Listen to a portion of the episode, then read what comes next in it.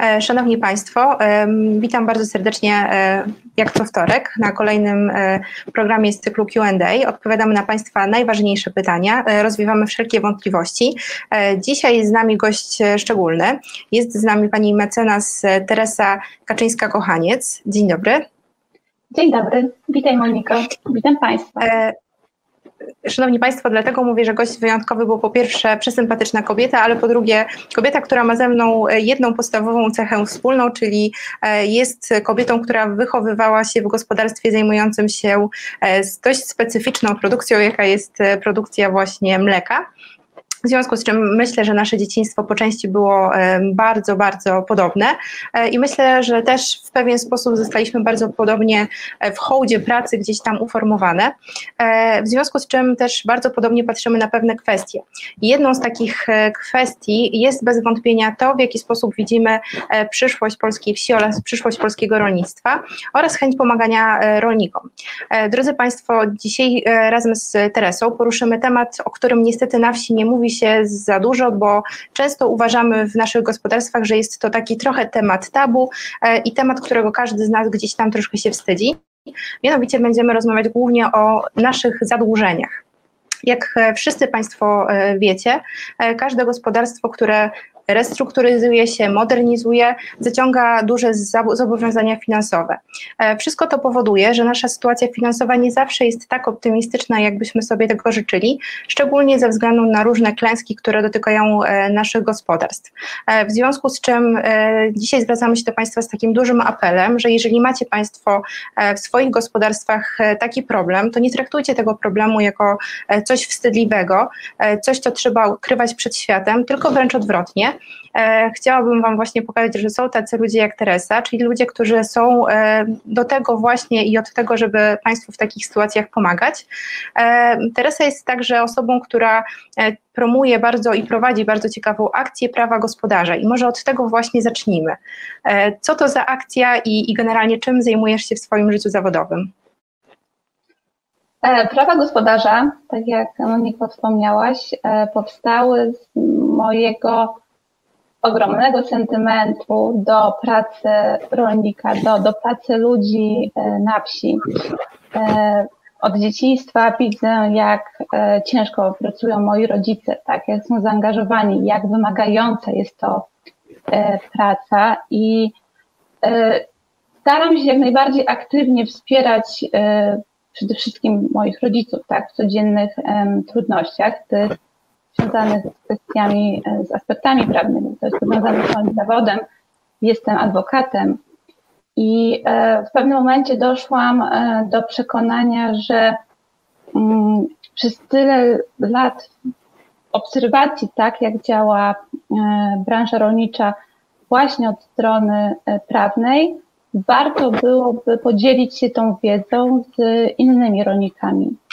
I tutaj do współpracy zaprosiłam mojego serdecznego mm, kolegę, mecenasa Marka Jarocha, e, który e, razem ze mną e, porusza przede wszystkim na, na, na, na Facebooku, ale także na Instagramie aspekty prawne prowadzenia działalności rolniczej, tak?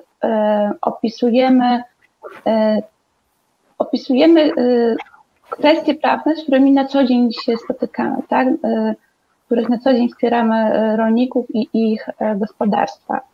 I rzeczywiście w ostatnim czasie nasze działania zawodowe niestety skupiają się w dużej części na wspieraniu rolników w kwestiach związanych z zadłużeniem, tak, kwestią radzenia sobie z problemami finansowymi.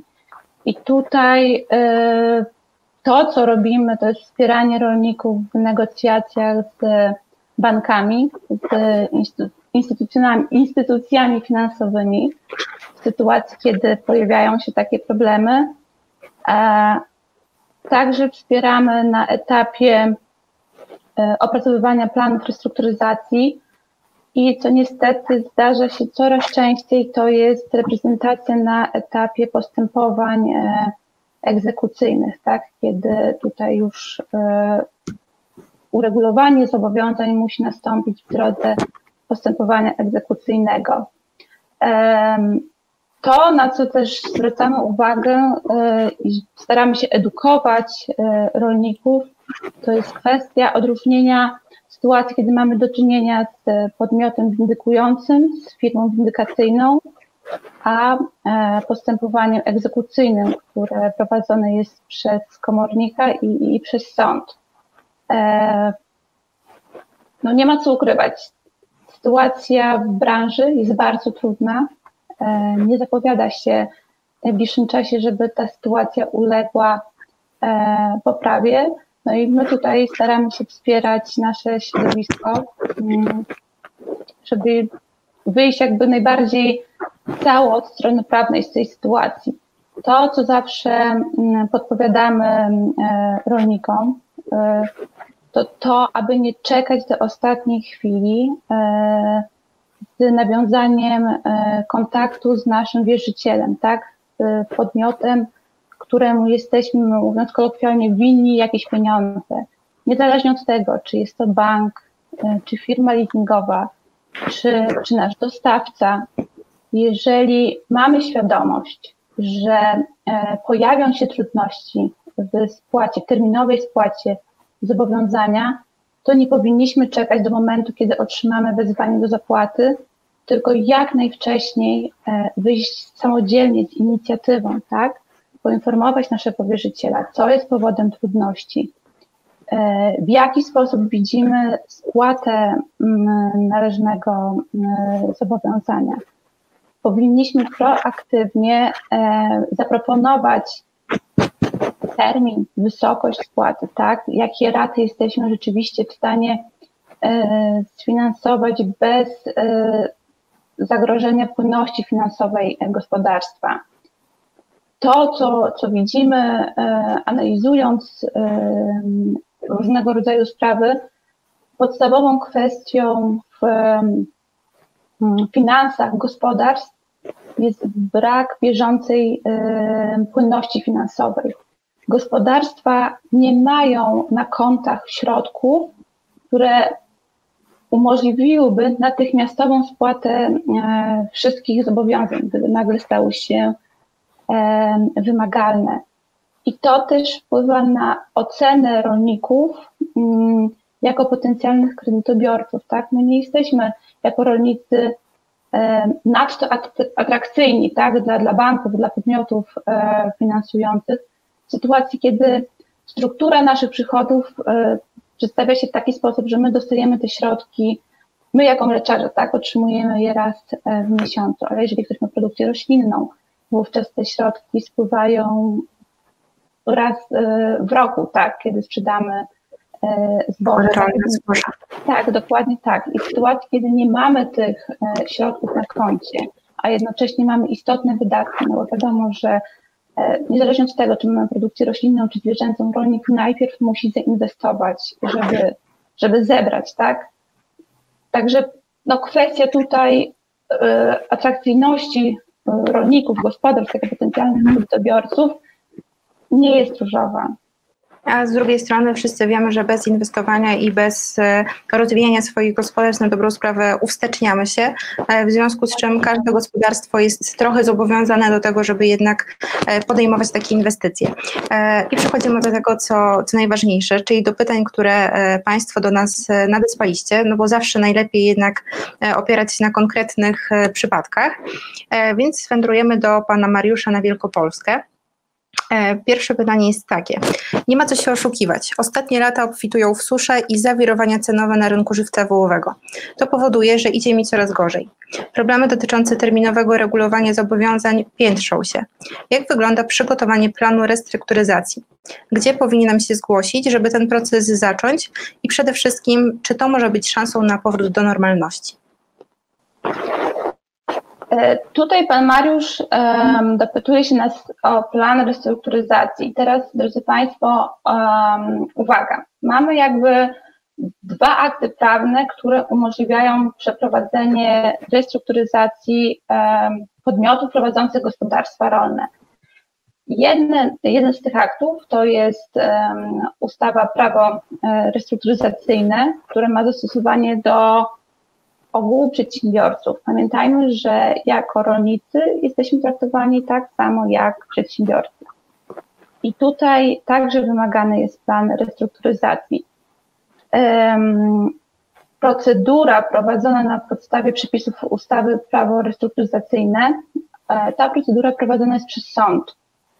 E, natomiast e, drugi akt prawny, który reguluje kwestie możliwości restrukturyzacji już stricte podmiotów prowadzących działalność rolniczą, to jest ustawa o restrukturyzacji podmiotów prowadzących gospodarstwa rolne, e, uchwalona w 2019 roku, spojrzę tu na moją ściągę, 18, przepraszam, w 2018, która um, zawiera mechanizmy, które tak naprawdę Komisja Europejska zatwierdziła e, w kwietniu tego roku.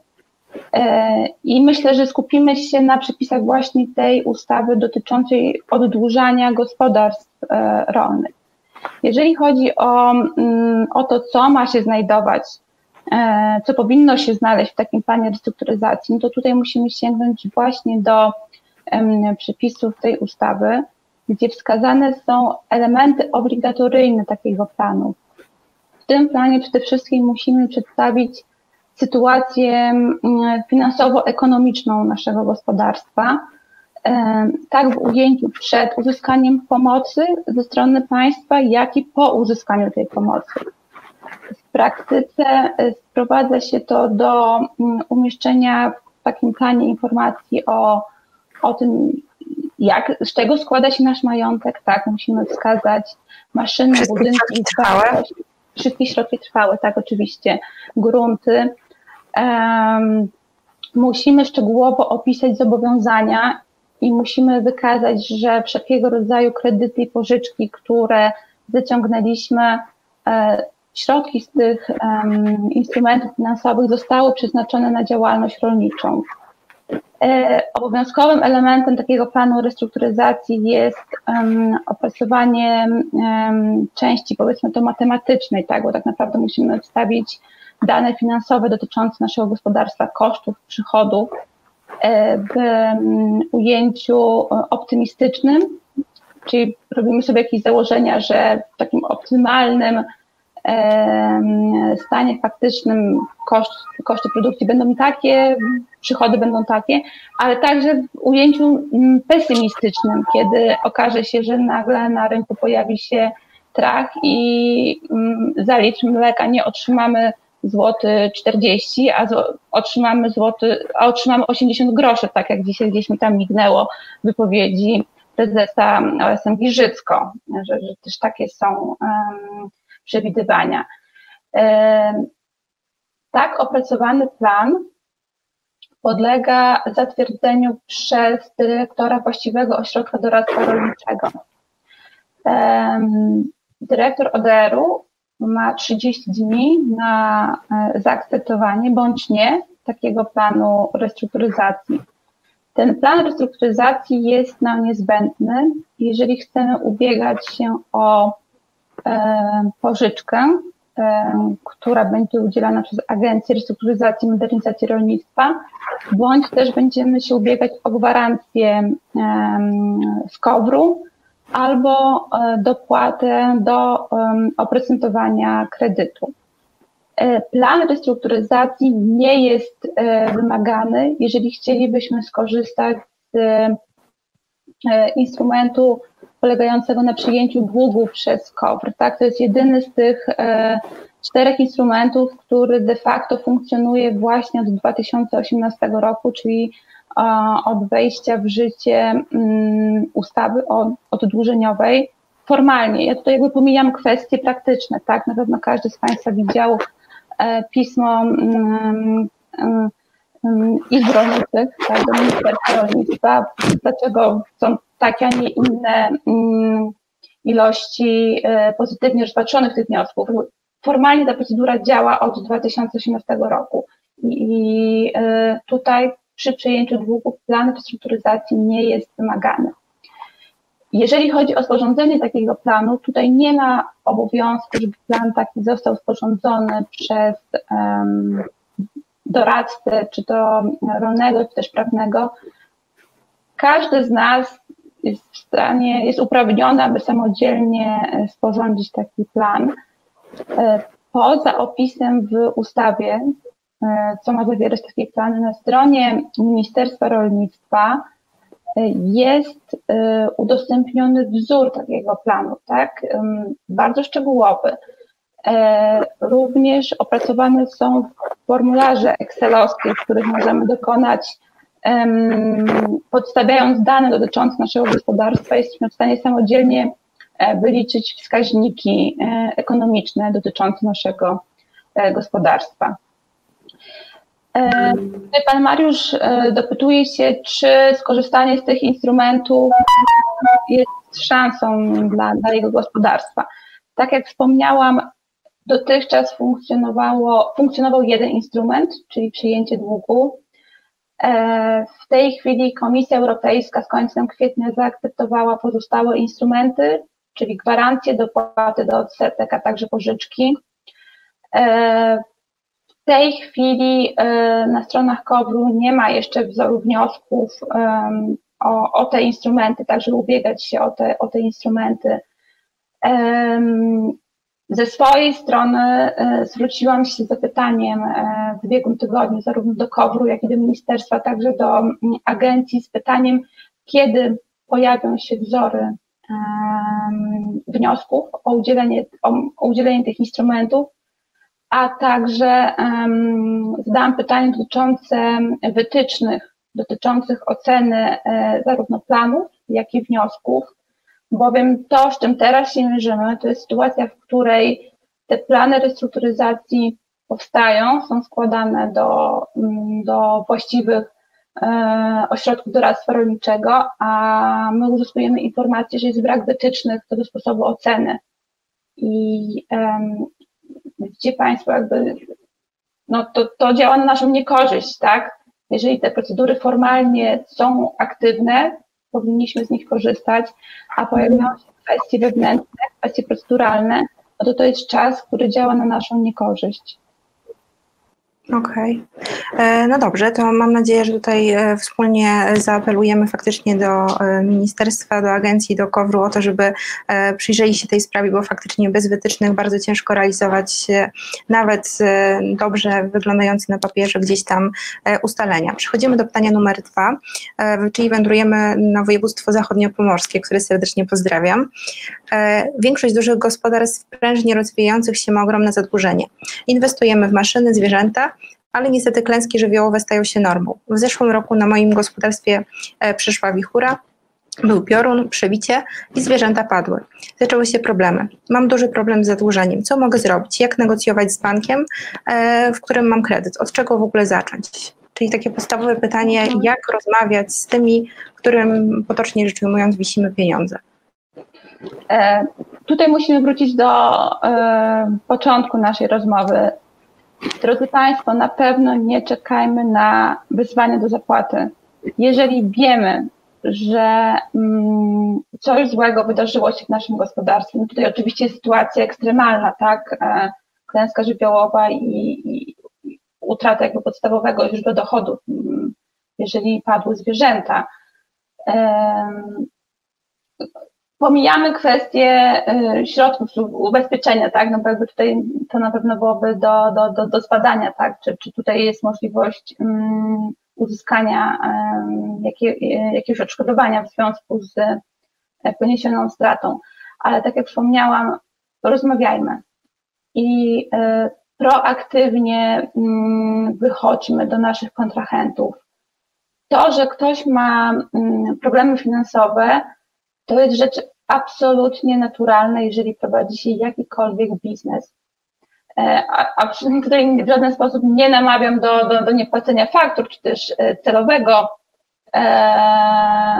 opóźniania się terminem płatności, ale w sytuacji, kiedy uwzględniamy na przykład mm, środki z dopłat bezpośrednich, tak, które wiadomo teoretycznie są jest czas do ich wypłaty do, do, do czerwca kolejnego roku, tak, ale przyjmujemy, że te środki będą właśnie na pokrycie, czy to e, opłaty za, za, za nawozy, czy za środki ochrony roślin.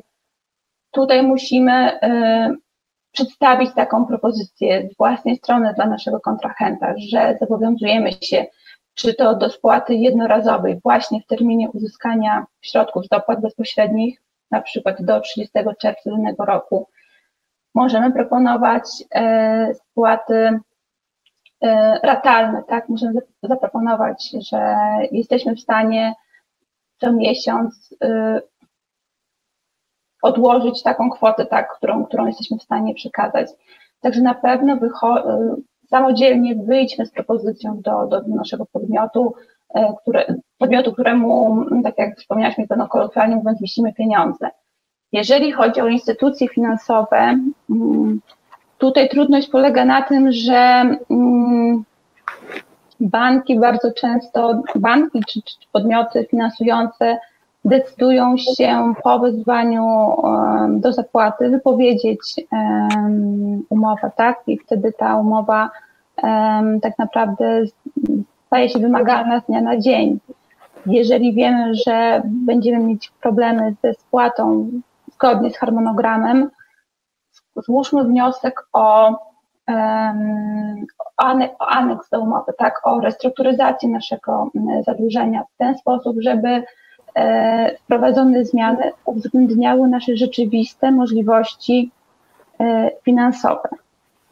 Często jest też tak, że mm, banki czy instytucje finansowe e, nie uwzględniają pierwszych wniosków. Musimy mieć świadomość, że nasze wnioski trafiają do, do pracowników, tak? I często to jest kwestia no, drugiego człowieka, sposobu, w jaki przedstawimy naszą sytuację. Jeżeli nawet argumenty, tak jak przedstawimy je w pierwszym wniosku, nie przekonają danej osoby, mimo wszystko należy próbować dalej kontynuować rozmowę, tak? Tak długo jak rozmawiamy, jak siedzimy, mówiąc obrazowo przy stole, no to jesteśmy w grze. Na pewno to, czego nie możemy robić, to czekać biernie na wszczęcie postępowania sądowego, tak, mającego na celu wyegzekwowanie należności. Tutaj, jeżeli mogę dodać, e, to, co obserwujemy w praktyce, to to, że banki, instytucje finansujące bardzo często um, korzystają z usług tak zwanych e, windykatorów. I tutaj chciałabym Państwa bardzo uczulić, że tak długo, jak mamy do czynienia z windykatorem, to nie jest osoba, która w świetle prawa jest upoważniona, aby odebrać nam maszyny, odebrać nam e, zwierzęta. To jest tak naprawdę pełnomocnik e, banku bądź instytucji finansującej, którego zadaniem tej osoby jest polubowne e, zakończenie sporu. Ja doskonale zdaję sobie sprawę, w jaki sposób są formułowane pisma, czy to od podmiotów e, windykacyjnych, windykujących, czy też e, od banków, tak? Jakby tu zawsze jest informacja o tym, że brak spłaty w wyznaczonym terminie spowoduje um, czy to przywłaszczenie maszyn, um, czy, czy, czy wszczęcie procedury windykacyjnej. Drodzy Państwo, procedura windykacyjna, ona ma z założenia y, doprowadzić do polubownego zakończenia sprawy, tak? E, bo wbrew pozorom, zarówno wierzycielowi, jak i nam powinno zależeć mm, na mm, jak najszybszym dodaniu się, bo postępowania sądowe e, trwają, e, są kosztowne i tak naprawdę to, to nie jest z korzyścią ani dla jednej, ani dla, dla drugiej strony. Ale tak długo, jak mamy po drugiej stronie windykatora,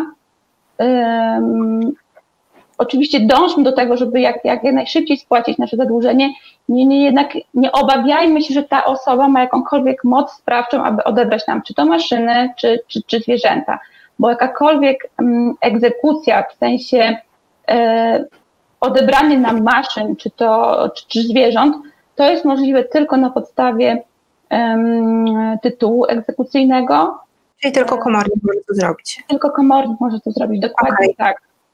E, przechodzimy do kolejnego pytania, które właśnie w międzyczasie zerkałam, że bardzo wiąże się z tym, do czego e, obecnie nawiązałaś. E, pan Marek pyta, a dokładnie informuje, że bank zaczyna grozić licytacją maszyn rolniczych. Mhm. Czytałam na forach, że jest to niemożliwe, ponieważ krów i maszyn chyba komornik nie może zabrać. Jak jest naprawdę? I tutaj widzę, że pan już po Twojej poprzedniej wypowiedzi widzę, że mamy dwie kwestie, czyli pytanie, czy to jest windykator, czy też komornik, tak, ale faktycznie tak, mówiło się o tym, że, że stada postawowego e, w przypadku gospodarstw przede wszystkim właśnie z wypłem mlecznym nie można ruszać. Pytanie, jak jest naprawdę? Um. Tutaj musimy, drodzy Państwo, sięgnąć do treści rozporządzenia Ministra Sprawiedliwości, który zawiera, to rozporządzenie zawiera wykaz e, podmiot, przedmiotów stanowiących własność rolnika, które nie podlegają egzekucji komorniczej. I rzeczywiście e, ten katalog jest bardzo rozbudowany. Potwierdzam, że w tym katalogu znajdują, znajduje się stado podstawowe, znajdują się zwierzęta mm, w określonym wieku, e, samice w ciąży, znajdują się podstawowe maszyny i urządzenia, e, zapasy paszy, e, ale żeby nie było tak niestety kolorowo, jest pewne ale i to bardzo istotne ale. E, rozporządzenia nie stosuje się tych wszystkich wyłączeń w sytuacji, kiedy egzekucja skierowana jest do wszystkich nieruchomości wchodzących w skład gospodarstwa. I teraz, drodzy Państwo, doskonale wiemy, jak wygląda w praktyce zabezpieczenie banku w sytuacji finansowania y, w szczególności inwestycji w gospodarstwach, tak? Jeżeli zaciągamy kredyt rzędu kilkuset tysięcy złotych bądź milionów, bo na przykład planujemy e, budowę e, nowej obory, to w większości przypadków banki oczekują zabezpieczenia na całym majątku e, rolnika. To polega na wpisaniu hipotek, zabezpieczenia w formie hipoteki do ksiąg wieczystych wszystkich nieruchomości wchodzących w skład gospodarstwa. I teraz w praktyce, w sytuacji, kiedy dochodzi do wszczęcia postępowania egzekucyjnego, tego właściwego prowadzonego przez, przez sąd, jeżeli bank skieruje egzekucję e, do całego gospodarstwa, tak, do wszystkich nieruchomości, to wyłączenie nie ma zastosowania, drodzy Państwo. To jest kruczek bardzo niebezpieczny, z którego mm, oczywiście uprawnie, uprawnione podmioty korzystają, no to jest ich prawo, tak. My, jak, my podpisując umowy kredytowe, jakby wyrażamy zgodę tak, na, na, na takie, a nie inne zabezpieczenie. Niemniej rzeczywiście w mediach jest głośno o całym katalogu wyłączeń. Pomijana jest ta jakże drobna, ale istotna kwestia, kiedy rozporządzenie nie ma zastosowania. Czyli zawierając umowę z bankiem, warto zwracać uwagę, e, w jaki sposób bank zamierza e, zabezpieczać naszą umowę, czyli czy jest to zabezpieczenie hipoteczne, e, czy w jakikolwiek inny sposób. Kolejne pytanie, bo rozmawiamy tutaj bardzo szeroko na temat restrukturyzacji i samego planu, który z tego co powiedziałeś faktycznie można przygotować samemu i w teorii jest to do zrobienia w praktyce, pewnie nie jest to wcale takie proste, jednak trochę wszelkie właśnie kazusy, e, o którym nawet przed momentem wspomniałaś, jednak warto znać. E, I pojawiło się pytanie, e, w gminie widziałam ogłoszenie kancelarii adwokackiej zachęcającej do kontaktu w sprawie odłużenia. Ile może kosztować przeprowadzenie takiej sprawy? Tych reklam rzeczywiście jest sporo. Jeżeli chodzi o tak zwaną odwórzeniówkę i w mediach, i w prasie, to, gdzie czuję taki pewien niedosyt, to jest kwestia sposobu informowania o kosztach. Drodzy Państwo, musimy być świadomi, że restrukturyzacja, na, na jakich bądź przepisach byśmy jej nie planowali, to jest tak naprawdę inwestycja, to jest kolejna inwestycja w nasze gospodarstwo, bo yy, restrukturyzacja, w szczególności ta sądowa, jest bardzo kosztowna. I mam wrażenie, że to nie wybrzmiewa w, e, we wszystkich informacjach dotyczących właśnie o tak zwanej oddłużeniówki. Jeżeli jesteśmy w postępowaniu mm, restrukturyzacji tej sądowej prowadzonej na podstawie przepisów ustawy prawo restrukturyzacyjne, musimy być świadomi, że rolnik jest zobowiązany ponosić opłaty, które bardzo często są um, uzależnione od wartości majątku. I e, prawda jest taka, że formalnie na papierze majątki gospodarstw, nawet średnich, nie, nie, mówię o dużych, tak, ale takich średnich rzędu 30-40 y, hektarów, to są kwoty milionowe, tak, jeżeli weźmiemy pod uwagę nieruchomości, maszyny, zwierzęta. Tak, tak. I w sytuacji, kiedy opłaty naliczane są stosunkowo od wartości e, majątku objętego restrukturyzacją, no to musimy być świadomi, jak ogromne to są kwoty, tak, których rozumiem, że jeżeli ktoś stara się właśnie o restrukturyzację, no to nie jest w stanie z dnia na dzień wyciągnąć z kieszeni, bo inaczej ta restrukturyzacja tak naprawdę nie byłaby mu potrzebna, tak? E, tylko tutaj zastrzegam, to chodzi o tą sytuację, kiedy mówimy o restrukturyzacji na podstawie mm, tych przepisów, z których mogą korzystać nie tylko rolnicy, ale także przedsiębiorcy, tak? bo tam jest kwestia opłat sądowych, kwestia wynagrodzenia e, syndyka. E, to, na co także zwracam Państwu uwagę w kontekście restrukturyzacji sądowej, to jest to, że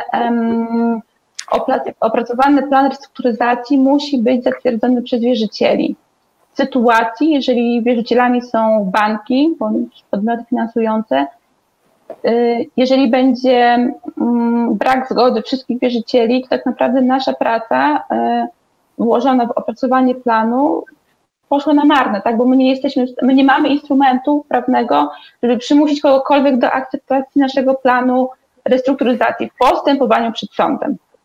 Mhm. Natomiast jeżeli mówimy o mm, tej restrukturyzacji na podstawie przepisów o oddłużaniu podmiotów prowadzących gospodarstwa rolne, no to tutaj jakby um, kwestia um, kosztowa odnosi się oczywiście do, do, do także do planu restrukturyzacji, jeżeli zdecydujemy się na powierzenie um, jego sporządzenia komuś z zewnątrz, tak, jakiemuś podmiotowi. I tutaj to są stawki rynkowe, tak? Tutaj jakby ciężko mi powiedzieć, jaka, e, jaka to jest kwestia wynagrodzenia. Jeżeli chodzi o, o praktykę, to zazwyczaj no to, to, też jest jakiś procent od określonej kwoty. No i tutaj jest e, kluczowe to, że niezależnie od tego, na czyją pomoc się zdecydujemy, żeby ta kwestia, kwestia wynagrodzenia była e, wyraźnie uregulowana w umowie łączącej nas z takim podmiotem bo na pewno obiło nam się uszy tak, że ktoś zainwestował w plan restrukturyzacji, który kosztował ileś dziesiąt tysięcy złotych, po czym była kwestia reprezentacji w takim postępowaniu, która już nie była objęta wynagrodzeniem. I oczywiście ja tutaj mogę mówić y, za, za siebie, tak, za, za środowisko, jakby no kwestia etyki zawodowej, w jaki sposób są przedstawiane informacje dotyczące wynagrodzenia, ale niezależnie od tego, my jako mm, klienci musimy zwrócić uwagę, tak, za co płacimy, w jakiej wysokości, bo to może być wynagrodzenie ryczałtowe. Wówczas musimy zweryfikować, jakie czynności są objęte tym wynagrodzeniem ryczałtowym. E, to mogą być stawki godzinowe. E, także no tutaj uczulam, drodzy Państwo, ci z Was, którzy śledzą prawa gospodarza, doskonale wiedzą, że ja wielokrotnie podkreślam, że umowy musimy czytać, tak? Jeżeli nie jesteśmy czegokolwiek pewni, także zwróćmy się o pomoc do, do, do profesjonalisty, który wesprze nas w analizie takiej umowy, tak? Żeby, żeby później nie było zaskoczenia i, i, i nieprzyjemności, bo e, ta restrukturyzacja rzeczywiście ma nas e, jako rolników, ma nas e, ponieść do góry, a nie pogrzebać, tak. Dokładnie tak, dlatego ważny apel, drodzy Państwo, czytajmy wszystkie umowy, które zawieramy, a jak wszyscy praktycy wiemy, akurat w przypadku rolnictwa e, tych transakcji i tych umów, które zawieramy jest naprawdę bardzo, bardzo dużo. E, I to jest chyba też taka bardzo ciekawa informacja dla tych ludzi, którzy nie do końca wiedzą, jak funkcjonuje polskie rolnictwo, bo z rolnictwem nie są związani. Często gdzieś tam w świadomości osób z miasta pokultuje takie przeświadczenie, że gdzieś to są takie malutkie gospodarstwa, gdzieś na skraju wsi, a drodzy Państwo, no, prawdziwy obraz polskiej wsi jest taki, że jest naprawdę bardzo dużo prężnie działających gospodarstw, gdzie jednak no, musimy wszyscy mierzyć się naprawdę z ogromem papierologii, umów, i naprawdę znajomość przepisów prawa jest nam niezbędna do tego, żeby e, funkcjonować tak jak normalnemu przedsiębiorcy. Tak, e, przechodzimy do kolejnego pytania. E, totalnie inna bajka. Już nie będziemy mówić chwilowo o zadłużeniach i o restrukturyzacji. Mój samotny sąsiad od lat popija. W 2009 roku w niepełnej świadomości przekazał osobie obcej swoje gospodarstwo rolne w zamian za rentę strukturalną. W umowie miał zastrzeżoną dożywotną służebność mieszkania. Niestety dom, w którym mieszkał e, w ubiegłym roku spłonął. Człowiek ten jest schorowany i nie ma gdzie mieszkać, a nabywca gospodarstwa się nim nie interesuje. Czy w takim przypadku można cofnąć darowiznę gospodarstwa rolnego i przekazać je komuś, kto zajmie się starszym sąsiadem? O no tutaj rzeczywiście taka mm, wielowątkowa mm, sprawa. E, to, od czego mm, należałoby wyjść, to przede wszystkim e, podzielenie tego stanu faktycznego na, na, na kilka kwestii, bo e, wychodząc od tej, wydaje mi się, mm, najprostszej, to kwestia możliwości odwołania Mm, darowizny, tak? Bo jeżeli tutaj to gospodarstwo zostało komuś darowane. E, od strony tak czysto cywilistycznej, jeżeli e, są spełnione przesłanki dotyczące e, możliwości odwołania darowizny, to tak, jak, jak najbardziej mm, taka darowizna może być cofnięta może być odwołana, jeżeli, jeżeli są spełnione e, przesłanki wynikające z kodeksu cywilnego. Tutaj pojawia się kwestia e, renty strukturalnej, tak? Powiem szczerze, mamy trochę za mało informacji, aby akurat w tej konkretnej sprawie powiedzieć tak bądź nie, bo e, kluczowa jest kwestia, kiedy ta, od kiedy ta renta jest pobierana, do kiedy bo może pojawić się sytuacja, w której e, w przypadku cofnięcia odwołania darowizny może, być, może pojawić się kwestia zwrotu środków otrzymanych w ramach renty e, strukturalnej. W tak skomplikowanych e, stanach faktycznych to, co ja często praktykuję, to kwestia ubiegania się o opinię ze strony właściwego organu.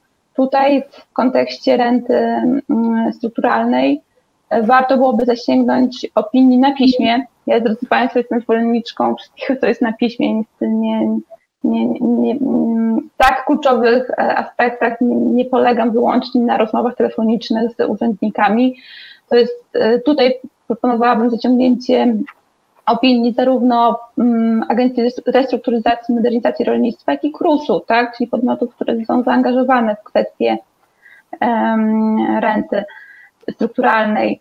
Jeżeli chodzi o um, samo zobligowanie podmiotu, osoby, która była zobowiązana do, do wsparcia w ramach dożywocia tego rolnika, tutaj także są instrumenty prawne, tak, jest możliwość e, przymuszenia przez e, sąd w drodze mm, orzeczenia tak, do, do, do, do wykonywania e, określonych czynności. Tak. Także powiem tak, jakby na jedną krótką rozmowę stan faktyczny bardzo skomplikowany.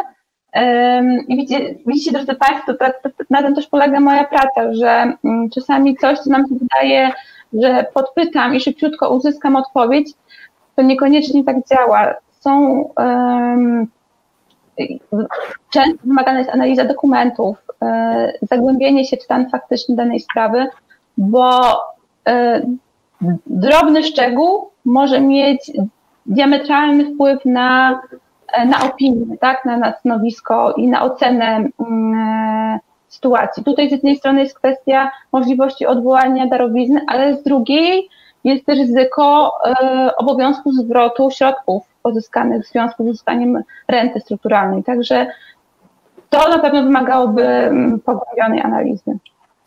E, dokładnie tak. E, I drodzy Państwo, na taką pogłębioną analizę e, też mam nadzieję, że znajdziemy czas. Mam nadzieję, że Pani mecenas, a dokładnie Teresa będzie naszym częstym gościem. E, możecie Państwo przesyłać pytania, e, tak jak robiliście to w tym tygodniu, e, a my raz na jakiś czas będziemy spędzać, tak jak dzisiaj spędziłyśmy dobre 40 minut na rozmowie o Waszych problemach w najbliższych tygodniach i w najbliższych odcinkach naszego QA. Także jesteśmy do Państwa dyspozycji. Instytut Gospodarki Rolnej Monika Przeworska oraz prawa gospodarza pani mecenas. Teresa Kaczyńska-Kochaniec. Bardzo dziękuję. Bardzo dziękujemy za dzisiejsze spotkanie i do zobaczenia. Do zobaczenia, dziękuję.